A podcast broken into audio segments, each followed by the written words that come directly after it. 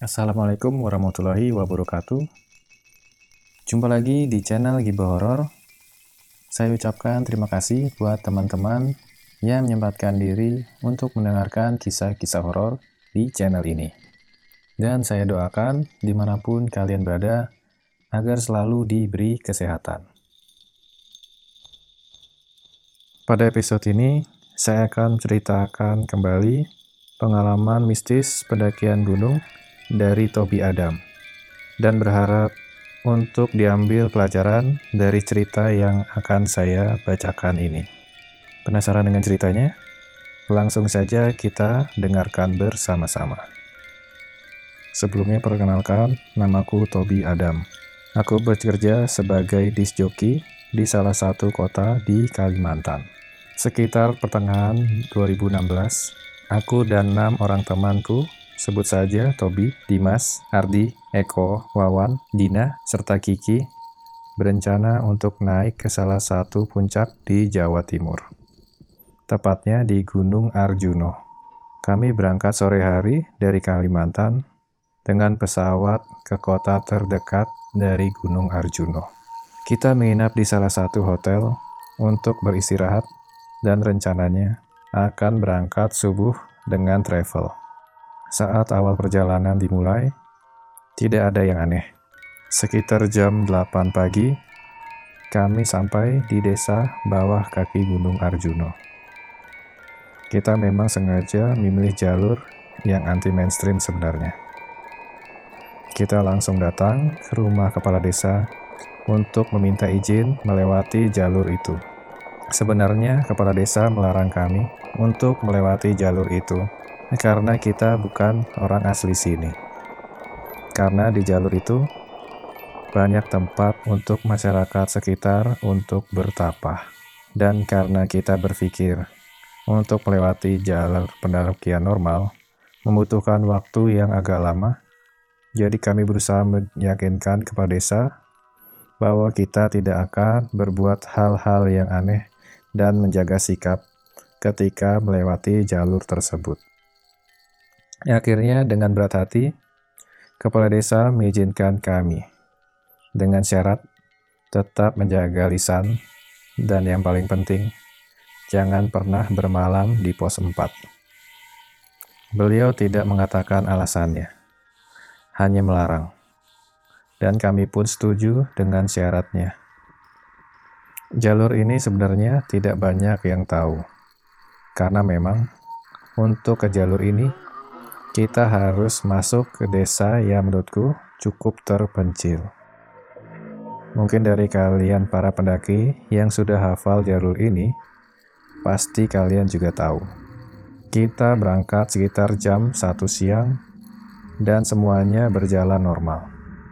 Suasana juga sejuk karena banyak pohon pinus di daerah ini.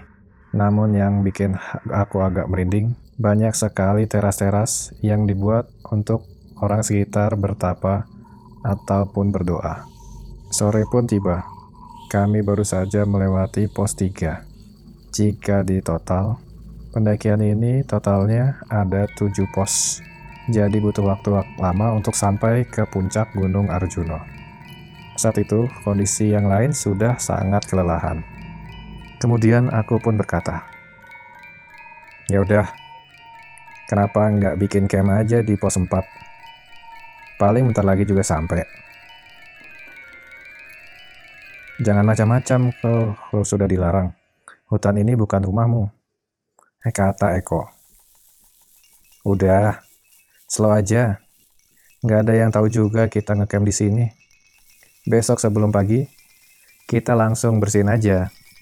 Jadi nggak ada yang tahu kalau kita base camp di sini. Ucapku saat itu.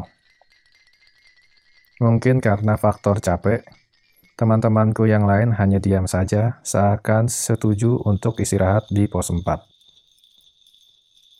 Sekitar satu jam kemudian, kami sampai di pos terdapat di kayu pinggir jalan setapak bertuliskan angka 4 yang sudah ditumbuhi tumbuhan menjalar. Pikirku karena di sini jarang ada yang lewat, jadi tidak terawat. Dan di situ terdapat pos yang bentuknya seperti pos ronda untuk istirahat sementara. Sedangkan di belakang pos itu ada lapangan yang cukup luas dan bersih. Nah, tempatnya luas begini, masa nggak boleh camp di sini? Ucap gua saat, saat itu. Kami pun langsung berbagi tugas agar segera ada tempat untuk beristirahat sebelum waktunya maghrib. Malam pun tiba. Ketika kami sedang asik nyanyi-nyanyi di depan api unggun, tepat jam 9 malam, muncul seorang paruh baya dari jalan setapak. Orang itu berjenggot putih dengan baju batik serta celana hitam gantung dan membawa parang. Sontak kami pun kaget dengan kemunculan sosok itu. Sosok itu tanpa basa-basi langsung berbicara dengan nada tinggi. Sudah dikasih tahu jangan malam di sini. Kenapa kalian pada ngeyel? Pindah sekarang. Ucap bapak itu. Kami pun hanya bisa diam dan saling menatap, sambil bergegas mengemasi barang-barang kami untuk naik ke pos berikutnya. Simbah tadi masih berdiri di samping pos sambil memperhatikan kami yang sedang mengamasi barang-barang. Setelah selesai packing dan bersiap untuk naik ke pos 5, aku menyuruh teman-temanku untuk jalan terlebih dahulu. Karena aku masih harus membersihkan sisa-sisa api unggun tadi. 10 menit mereka berjalan, Akhirnya aku susul mereka setelah yakin semua sudah bersih. Dan Simbah masih berdiri di samping pos. Saat aku melewati sosok Isimbah itu, aku mencium wangi melati. Saat itu, aku tidak berpikir yang aneh-aneh. Kemudian, aku menyapanya dan pamit. Mari mbah, maaf atas kesalahan kami tadi ucap gua. Simba itu hanya mengangguk tanpa mengeluarkan kata-kata. Tak lama setelah melewati Simbah tadi, untuk memastikan, aku menengok ke belakang. Apakah Simba itu masih ada di situ atau sudah pergi? Dan ternyata, Simbah tadi sudah tidak ada. Kok cepat banget ya perginya? Batinku keheranan. Di situlah awal semua kejadian terjadi. Sambil memikirkan simbah tadi, aku terus berjalan berusaha menyusul anggotaku yang tadi jalan duluan. Tapi ada yang aneh. Kalian tahu nggak, hutan saat malam itu gimana? Berisik suara malam hutan, atau serangga ataupun yang lainnya. Tapi kali ini berbeda. Sunyi, senyap, bahkan nyamuk pun gak ada. Perasaanku saat itu, aku mulai merasa ada yang mengawasiku, seperti ada yang mengikutiku dari belakang. Setelah sekitar satu jam aku jalan, aku belum menjumpai rombonganku tadi. Aku merasa kalau aku lewat jalan ini lagi. Aku kemudian mencari kayu yang agak besar, lalu aku tancapkan di pinggir jalan setapak. Sekedar memastikan apakah aku tersesat atau tidak. Setelah kartok kayu dipasang, aku mulai berjalan ke atas. Sekitar 10 menit berjalan, aku melihat kayu yang tadi aku tancapkan. Gue di sini lagi ya? Batinku saat itu. Karena mulai frustasi, aku pun berpikir untuk turun. Dan hasilnya sudah jelas. Aku kembali melewati tanda patok kayu itu. Aku mencoba untuk berjalan ke arah kanan, berusaha untuk masuk ke hutan. Akan tetapi, hasilnya tetap sama Begitupun sebaliknya. Aku selalu kembali ke tempat yang sama. Seketika muncul pikiran panik dalam batinku. Aku yakin aku disembunyikan. Apa salahku? Apa karena camp di pos 4? Lalu kenapa cuma aku saja yang disembunyikan? Banyak pertanyaan yang muncul di kepalaku. Aku putus asa dan lelah karena bolak-balik tidak menemukan jalan. Aku duduk tepat di samping kayu tandaku menengok ke kanan dan ke kiri, ke depan dan ke belakang. Tiba-tiba dari arah pohon sekitar, aku merasa ada banyak mata yang memperhatikanku. Tapi aku tidak melihat sosoknya seperti apa. Sesaat kemudian, dari arah bawah gunung, muncul sekelompok orang yang menggunakan pakaian kerajaan sambil membawa tombak dan obor sekitar 10 sampai 15 orang. Mereka lewat tepat di jalan setapak sampingku. Aku memanggil mereka, namun tak ada jawaban. Mereka berhenti, kemudian menoleh ke arahku, dan lanjut jalan lagi. Aku pun bingung dan bergumam dalam hati. Apakah aku sudah mati? Lalu mereka siapa? Kenapa masih ada orang yang memakai seragam kerajaan seperti itu saat ini? Aku cuma bisa berdoa agar segera ada pertolongan datang menghampiriku. Kemudian aku tertidur di samping jalan setapak, karena aku tidak tahu lagi harus berbuat seperti apa. Tak lama aku tertidur, tiba-tiba aku terbangun di tengah keramaian. Akhirnya, Aku selamat. Batinku saat itu. Aku terbangun dan mencoba berdiri di tengah pasar malam. Dan masih dalam keadaan bingung. Kenapa ada pasar di sini? Dan kenapa mereka berpakaian seperti orang desa zaman dahulu? Muka mereka pucat semua tanpa ada ekspresi. Kemudian aku duduk dorong dari belakang dengan sangat keras sampai terjatuh. Siapa sih yang dorong? Kira-kira dong. Ucapku saat itu. Ketika bangun, seketika yang tadi ramai menjadi sepi. Pasar yang tadinya ramai orang menjadi sepi, tak ada satupun orang pun kecuali aku. Aku perhatikan sekeliling. Nampaknya aku kenal lokasinya. Ini adalah pos 4, tempat kami ngecamp tadi yang berubah menjadi pasar. Kemudian banyak suara-suara wanita tertawa berkitil lirih dan melengking, yang membuat aku merinding. Bukan hanya satu, tapi banyak. Seperti berada di tengah orang yang sedang tertawa. Dengan gerak cepat, aku berlari karena sudah ketakutan.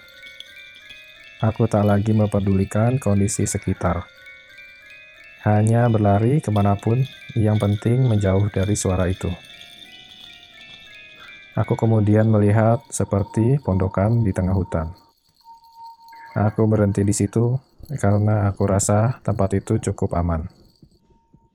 Kemudian, ada suara besar dan berat yang membuat aku semakin gemetaran. Kamu gak bisa pulang.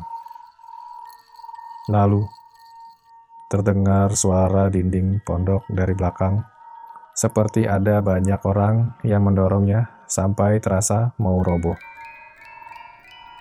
Mereka berusaha mendorong dinding pondok sambil tertawa cekikikan. Sontak aku lari keluar pondok, dan bodohnya, aku sempatkan menoleh ke arah samping pondok di samping itu ada banyak makhluk di luar logika manusia.